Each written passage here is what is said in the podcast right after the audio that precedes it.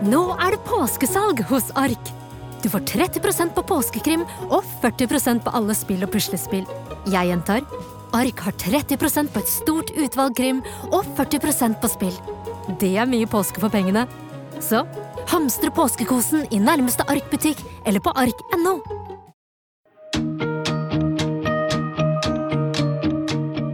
Velkommen til podkasten fra Forbrukerrådet. Nå kan du lytte deg til og bli kanskje litt mindre lettlurt og klønete, og muligens en smule rikere. Du skal få høre om et firma som har fått alarmen til å gå hos eh, Forbrukerrådet. For de har ganske så rå fremgangsmåte for å kreve inn penger, og truer hvem det skal være med rettssak. Og hvor god service får du egentlig i din kommune? Forbrukerrådet har kåret den flinkeste, og hvem som bør løpe i skammekroken. Og på forbrukerrådet.no podkast så kan du se hvordan du kommer i kontakt med oss, som er Bjørnar Angel og Ann Hege Skog. Hver måned ringer tusenvis av nordmenn til Forbrukerrådet på 23 400 500. Det gir oss en ganske god oversikt over hva som plager forbrukerne, og noen ganger så går alarmen, og vi ser at det er et problemfirma vi må ta tak i. Og Martin Skaug Halsos, du er kommunikasjonsrådgiver i Forbrukerrådet. Du har et sånt eh, firma som du ser nærmere på nå? Ja, det firmaet heter skattelisten.info, og de kom eh, til oss på, gjennom klage for forbrukerne i mars. Og så har de vedvart egentlig helt til eh, nå. Men vi har jobbet for å hjelpe forbrukerne som har, er fortvilte, bl.a. fordi at han truer med å gå til eh, tingretten. Men hva er egentlig problemet?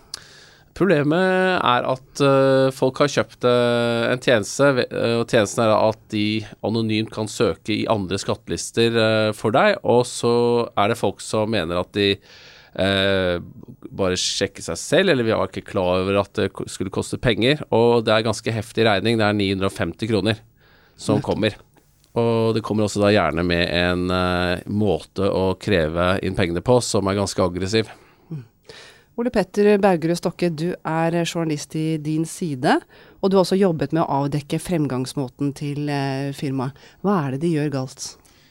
Uh, jeg, jeg, tror hovedproblemet ligger i bestillingsprosessen. Folk får ikke med seg at det uh, koster penger i det hele tatt.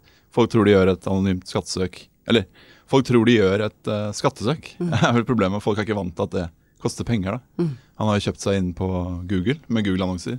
Så hvis du googler skattelister, eller nå gjør du ikke det lenger nå, men uh, da det sto på som verst, så googla du skattelister. Første treffet var uh, til han. Mm. Og folk gikk inn der og fikk ikke med seg teksten hvor det sto beskrevet at det kosta penger. Og søkte, og fikk regning per SMS om at det kosta Først kosta det vel enda mer også. Men hvem, hvem, er det som har rett da, når han har informert, men kanskje litt kjapt? Nei, det er jo deres jobb å finne ut av det. Og det dere har sagt, det er jo at uh, han har rett. Uh, jeg har jo skrevet om det siden mars. Uh, og det begynte med litt sånn forbrukerombudet trodde det kunne være ulovlig. Dere sa at ja, dette høres jo ikke helt bra ut. Så ble det jo etter hvert klart at han på snodig vis har klart å holde seg akkurat innenfor lovverket. Sånn at når jeg skulle gi tips til mine lesere om hva de skulle gjøre med disse kravene, så ble jo tipset via dere da, og ja. til vi viss ha Forbrukerombudet at de må betale. Ja. Og det var jo jeg som ble tua den gangen. Mm. Og jeg måtte jo si at dette her er lov. Det var jo noe vi har sjekka med Forbrukerombudet, som fører tilsyn på dette. Og det ble da senere brukt i innkrevingen av eh, pengene. Så det var egentlig ganske flaut for oss. Fordi eh, vi fikk samtidig klage fra folk, og, og det er jo hvis alt er på stell, så skal det jo egentlig ikke være noen grunn til å ringe Forbrukerrådet. Uh, og det er blitt oppi 65 klagesaker ut av det, og en er på vei til Forbrukertilsynsutvalget nå for en avgjørelse. Og vi har også ved siden av det fått 291 stykker som har ringt til oss. Men uh, dette blir jo litt sånn en ordkrig, og han har kanskje rett i at han har uh, krav på noe penger, men allikevel, måten han har gått frem på, er ikke helt grei. Nei, den er ikke grei i det hele tatt, uh, fordi at Én uh, ting er at du kan, når du mener du har noen skal uh, skylde deg penger, og be om at de betaler, og så kan du f.eks. be om Altså true med inkasso. Han her går mye lenger. Han truer med tingretten. og det er jo antagelig at det, det er så lite penger at det vil jo aldri bli det, og det er jo en, en ting av de som, ting som ombudet sier at dette er feil måte å få inn penger på, fordi at han eh, sier ikke at eh, man skal møtes i forliksrådet, som hadde vært naturlig. Eh, og det er også slik at alle som skriver om han, eller vi som uttaler oss om han også, blir truet med eh, at han går til tingretten. Ja, det gjelder dere begge to.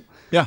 Jeg har Ja. fått eh, mange krav mot meg, bl.a. for eh, æreskrenkelser og diverse. Jeg har bare fått ett krav, eh, på en halv million.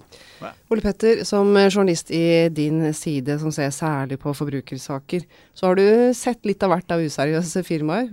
Hva har eh, sjokkert deg mest i din tid? Ja, jeg, skattelisten er høyt oppe på lista for min del. Um, For meg så er det ofte det er på en måte, Først er det Jeg er jo avhengig av at folk går på et eller annet for at jeg skal få vite om det som oftest. Enten fra postlistene eh, deres eller ombudet, eller at dere går ut og advarer. Um, og så er det jo på en måte å se ok, hvordan svarer de for seg, dette selskapet, når jeg kontakter de, som jeg jo gjør. Og skattelisten er liksom i en klasse for seg selv når det kommer til å, å være veldig aggressiv. Veldig Bare avviser all kritikk. Um, en veldig ufin tone som gjør at jeg som journalist med en gang tenker ok, her er det Dette er ille. Så det er jo et godt faremoment, alltid. Nå er det slik med Skattelisten Info at de har eh, lagt ned funksjonen, sånn at de får ikke nye kunder nå, men det er jo fremdeles en del mennesker som de mener å ha at skylder dem penger. Hva, hva skal disse gjøre nå? Ja, eh, det de skal gjøre er at får du noe mer, så ta kontakt med, med Forbrukerrådet. Eh, vi har en egen mann på saken som skal eh, hjelpe å gi råd til de folka som eh, fortsatt eh, får eh, krav. For det er som sagt riktig at han sier at han skal forfølge dette her. Han har jo Altså skal man følge loven, si, hva loven sier, så gjelder eh, eh, tingretten, så er det slik at eh, du har seks måneder på deg etter at du har varsla om det. og eh, sende saken dit. Skal si at det koster ca. 20 000 kroner i hvert fall per sak da du må sende inn, tror jeg. Slik at dette blir dyrt for han, må legge det på forhånd. Eh, og etter det, etter de seks månedene, så kan man slappe av. For da, er det, det løper skjørt. Men, eh, men i hvert fall ta kontakt med Forbrukerrådet hvis man opplever det. Eh, Ole Petter, jeg tenker på eh, med alt du har jobbet med av underlige firmaer. Når du selv skal handle på nett, hvordan vurderer du da en nettside, og hva kan få deg til å tenke at nei, her dropper jeg å handle? Mm. Det er jo, nå er jo jeg så heldig at jeg kjenner markedsføringsloven, forbrukerkjøpsloven og angrerettloven såpass godt at jeg vet hva som kreves. Eh, og, og ser jeg disse tingene, ser jeg f.eks. er det god kontaktinformasjon, er det god prisinformasjon, er det ingenting som er noe tvil om, liksom, at du skjønner at dette koster det og det, det koster det og det i frakt, og sånn kontakter jeg de, så er det selvfølgelig bra. Og selvfølgelig også google etter andres erfaringer med den butikken, osv. Og, så videre. og det er det som gjør meg litt uh, i stuss på denne skattelisten-saken. For hvis du googler skattelisten.info, eh, ikke skattelisten, da, for da dukker jo skattelisten.info opp, men skattelisten.info opp, så får du jo opp uh, I hvert fall før så fikk du da opp mine artikler om skattelisten.info. Og hvis de var i tvil før, så burde de jo ikke være i tvil da.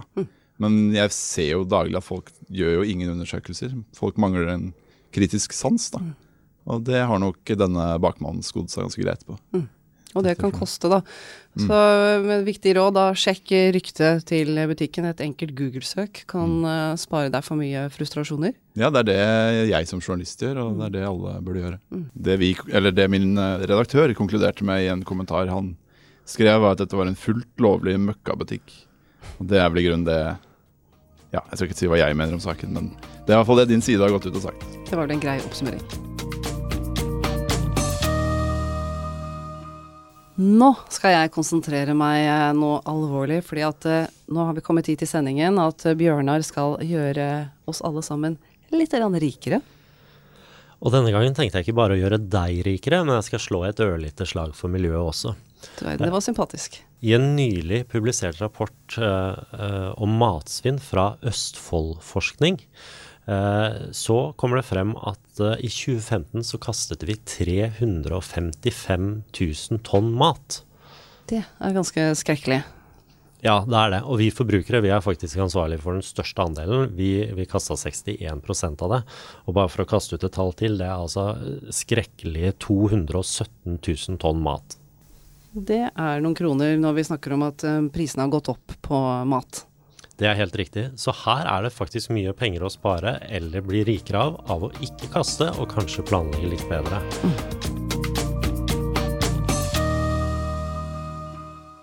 Vinteren står for døren, og det er igjen tid for å legge om til vinterdekk på bilen. Eh, mannen som vet noe om det aller meste, vet jo selvfølgelig noe om eh, dette også. Jogrid Maabakken, du har skrevet en guide på forbrukerrådet.no. Eh, men jeg har lyst til å begynne med det store stridsspørsmålet når det kommer til vinterdekk. Pigger eller piggfritt? Det spørs litt hvilken innfallsvinkel du har. Men hvis vi tar utgangspunkt i sikkerhet, altså at du ønsker at bilen skal sitte best mulig, ikke minst på is, men også på snø og andre fører, så kjøper du piggdekk. Og piggfritt er bedre for miljøet? Ja, altså hvis du har Piggdekk sitter altså best. De, har, de, er best på sikkerhet, men det er en del ulemper knytta til piggdekk. Fordi at Årsaken til at piggdekkene sitter så godt, det er jo at de har bedre friksjon enn de piggfrie vinterdekkene. Og økt friksjon, det gir jo økt drivstofforbruk. Eh, økt drivstofforbruk det gir deg større utgifter til drivstoff. Det gir deg kortere rekkevidde. Det gir større asfaltslitasje, mer svevestøv, dårligere miljø i byene osv. Så, videre. så fra et miljøperspektiv og et økonomisk perspektiv så er jo piggfrie vinterdekk det beste. Riktig, eh, men jeg er jo frista til å spørre, er, er billig vinterdekk like god som, like god som dyre vinterdekk? Det korte svaret der er nei. Altså Alle tester som vi har sett og som vi har analysert, tilsier at billige dekk, og det gjelder spesielt vinterdekk, er stort sett dårlige eller veldig dårlige. Så her er det kvalitet, altså? Ja, altså i hvert fall så er det slik at disse, disse produsentene som er best kjent, og som produserer relativt dyre dekk, de er de som kommer best ut av testene også. Det du må huske i, i denne sammenhengen, da, det er det at uh, Du er sikkert klar over, Bjørnar, at uh, en bil har fire hjul. Det er jeg. Men det du kanskje ikke er klar over, og som i hvert fall gjorde litt inntrykk på meg første gangen jeg ble fortalt det, det er at den delen av et hjul som er i kontakt med asfalten, er stort sett bare på størrelse med en håndflate. Det betyr at du har, kjører rundt en bil som veier eh, kanskje oppimot to tonn. Eh, du kjører på eh, glatt eh, is eller på andre vanskelige forhold. og Så har du fire håndflater da, som skal sørge for at bilen din sitter fast på veien. Både når du svinger og når du skal bremse. Det kommer en elg eller bilen foran deg bråbremser. Og Da er det veldig veldig viktig at de fire håndflatene har en best mulig kvalitet. Og foreløpig så tilsier i hvert fall det eh, alt jeg har sett at det er de tradisjonelle, kjente produsentene som alltid gjør det best. Men det er fortsatt ingen grunn til å betale for mye? Nei, nei. Altså Når du først har funnet ut eh, hvilken dekkmodell du skal kjøpe, som jeg vil anbefale at du finner ut ved å lese NAFs store eh, vinterdekktest som de publiserer hver høst, når du først har funnet, funnet ut hvilken modell du skal kjøpe, da er det jo tid for å begynne å se på pris. For prisforskjellene er kjempestore. Det har mange pristester i ulike medier vist opp igjennom. At fire helt ordinære vinterhjul fra en god produsent kan koste helt opp i 8000 og helt ned i 4000 kroner. Se det. Men Jogrim, vi må jo innom dette her med å skifte dekk. Eh, før så skifta jo alle dekk selv. Eh, hva tenker du om det? Ja, jeg er eh, litt av den gamle skolen der. Jeg mener at det er lurt å skifte hjul selv, ikke dekk, for det klarer du ikke. Men, men hjul, skifte det selv. Fordi at selv om det dessverre da er mange biler i dag som faktisk ikke har reservehjul, men som har ulike dekkreparasjonssett isteden, så er det greit å vite hvordan man håndterer en biljekk Uh, hvordan man skrur av hjula, hvordan man setter på et nytt hjul osv. Det kan komme vanskelige situasjoner hvor du faktisk trenger den kunnskapen. Og Dessuten så får du litt trim, du lærer litt om bilen din, og det er jo veldig billig å gjøre det selv. En klar oppfordring fra deg der, altså. Uh, men når jeg selvfølgelig bytter uh, mine hjul uh, selv, mm -hmm. så skribler jeg jo gjerne ned noen bokstaver på, på hjulet om hvor de har vært på bilen. Har det egentlig noe hensikt? Så du er blant de proffene som gjør det altså, Bjørnar. Veldig bra. jo, det syns jeg er veldig lurt å gjøre. fordi man bør ikke blande hjul på ulike sider av bilen. Det tar litt for lang tid å gå inn på nå, men man har noe som kalles asymmetriske dekk, og man har noe som heter retningsbestemte dekk osv. Så, videre. så for å være helt sikker, så bør hjula i utgangspunktet plasseres på samme sted som sist gang. Men det du kan gjøre for å forlenge levetiden på dekkene dine, det er såkalt likesidet rotering. Altså at du flytter høyre forhjul når du har kjørt høyre forhjul én sesong, så tar du neste sesong og setter det som høyre bakhjul. Og selvfølgelig det samme på andre siden. Eh, årsaken til det er at de aller fleste biler eh, er, vil fungere sånn at den akselen som har drivkreftene, altså en forhjulsdrevet bil, vil slite forhjulene mest, mens en bakhjulsdrevet bil vil slite bakhjulene mest. mest. Um, og hvis du roterer på den måten jeg forklarte nå, så vil du få mye lengre levetid på, på de hjula som sitter på drivaksjen, og dermed slippe å bytte to hjul om gangen. Veldig bra, altså, så da varer de lenger, forstår jeg. Men når jeg først har skiftet dekkene mine, så henger jo de opp på stålkroker i garasjen. Skal du arrestere meg for det også, eller hvordan bør man uh, oppbevare dekkene? Jeg trenger ikke arrestere deg i det hele tatt. Du, du, gjør det jo da åpenbart på den aller beste måten. Uh, det å henge hjulene på veggen etter felg, det er det beste. Eh, hvis du ikke har muligheten til å sette opp sånne kroker, så kan du legge de flatt oppå hverandre. Det går også helt fint. Men det som ikke kan anbefales, det er å sette de på høykant, så at de hviler på gummien. Hva, hva skjer da? Ja, da kan, uh, kan, dekket bli deformert. I hvert fall hvis det står sånn lenge og i uheldige temperaturer osv., så, videre, så kan det bli deformert. Uh, sånn at du får rett og slett et humpete hjul som må byttes. Uh, og så sa du også at du oppbevarte de i garasjen. Nå vet jeg ikke om du er så luksen at du har oppvarmet garasje eller ikke. Nei, den er kald. Ja, Det er veldig bra. Fordi at uh, dekkene de bør oppbevares uh, mørkt. og hvis du ikke har flombelysning i garasjen hele tiden, så oppnår du jo det i garasjen din. Og i tillegg kaldt. Men mørkt og kaldt, det er jo gjerne noe man leser på en knekkebrødpakke. ja, men gummi, og storparten av ingrediensene i et gummidekk er faktisk naturmaterialer. Uh, og det vil si at de utsettes for elde både via lys, uh, UV-stråler, og uh, via temperatur. Sånn at kaldt og mørkt det vil forlenge levetiden på gummien, så at den holder seg myk. Og det er mykheten i gummien, spesielt i piggfrie vinterdekk, som er helt avgjørende for at du skal ha feste. Men helt avslutningsvis, Jogrim, og apropos dette innholdet i dekkene. Jeg vet ikke om dette er en røverhistorie, men jeg har hørt at man hadde nøtt nøtter i dekkene istedenfor pigger, stemmer det? Uh, ja, ikke istedenfor pigger, men man hadde, i hvert fall ettersom jeg har forstått det, så var det en periode uh, de store dekkprodusentene jobba med masse forskjellige metoder for å forsøke å øke friksjonen på piggfrie vinterdekk. Uh, og da var det noen som brukte tror det, hasselnøtter, noen som brukte leka-rester, noen som brukte metallfragmenter osv. Men ettersom jeg har forstått, så fungerte ikke dette spesielt bra. Og isteden så er det vel sånn at alle har satsa heller nå på så myke gummiblandinger som mulig. At det er det som gir den beste friksjonen. Veldig bra. Da er i hvert fall jeg klar for eh. Og ønsker du å vite mer om eh, vinterdekk, så kan du gå inn på forbrukerrådet.no og lete opp eh, Jogrims vinterdekkguide. Takk skal du ha, Jogrim. Jarle Oppedal er Forbrukerrådets faktasjef og vårt eget vandrende forbrukerleksikon. Og du leder den gruppen som bl.a. utfører tester hos oss. Og nå har dere kåret hvilken kommune som gir aller best service. Og hvem var det som stakk av med seieren? det vi har kåra um, dette i uh, åtte ganger. Og um, nå har vi slått dem sammen. Mm -hmm. Så, uh, og den som vinner serien, for å kalle det det, er Asker. Asker er den beste kommunen når det gjelder service, i hvert fall. Ja, med god margin. Mm. Da blir jeg veldig nysgjerrig, da. Hvem er det som kom aller dårligst ut? Den uh, aller dårligste ligger helt ytterst i Lofoten. Nei. Det er som det er så pent, og jeg som er halvt lofotværing. Ja, ja, og de har nå naturen, da, men ikke servicen. Så, eh, så det er Moskenes kommune. En liten kommune. Ja. Men hva, hva, er det egentlig dere måler? Hva er det de får til i Asker som de ikke får til i uh, Moskenes? Ja, Vi måler altså service og informasjon.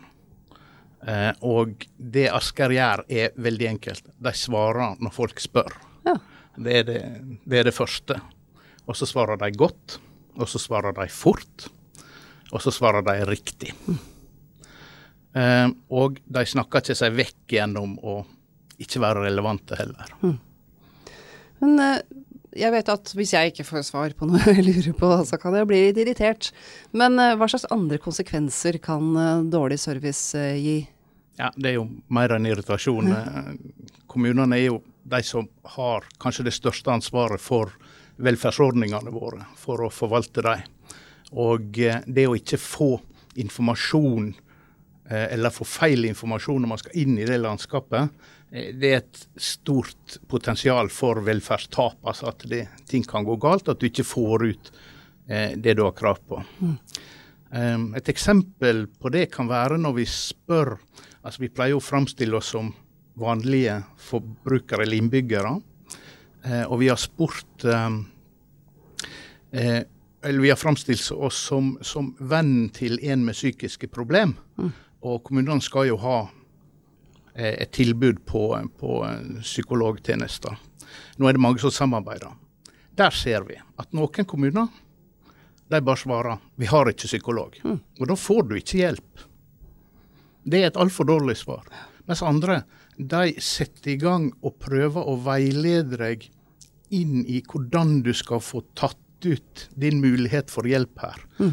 Eh, og det er det eh, svaret vi er ute etter. Det er slik man skal møte innbyggeren og brukeren. Ja. Mm. Og når vi også vet at det handler om sykehjemsplasser, det handler om barnehage, så er det store ting i folks liv. Ja, ja. Kommunehelsetjenesten og ja, kultur, fritid og tekniske tjenester, ikke minst. Kanskje det mest irriterende av alle. Dere har nå testet kommunene i over ti år. Har de skjerpet seg?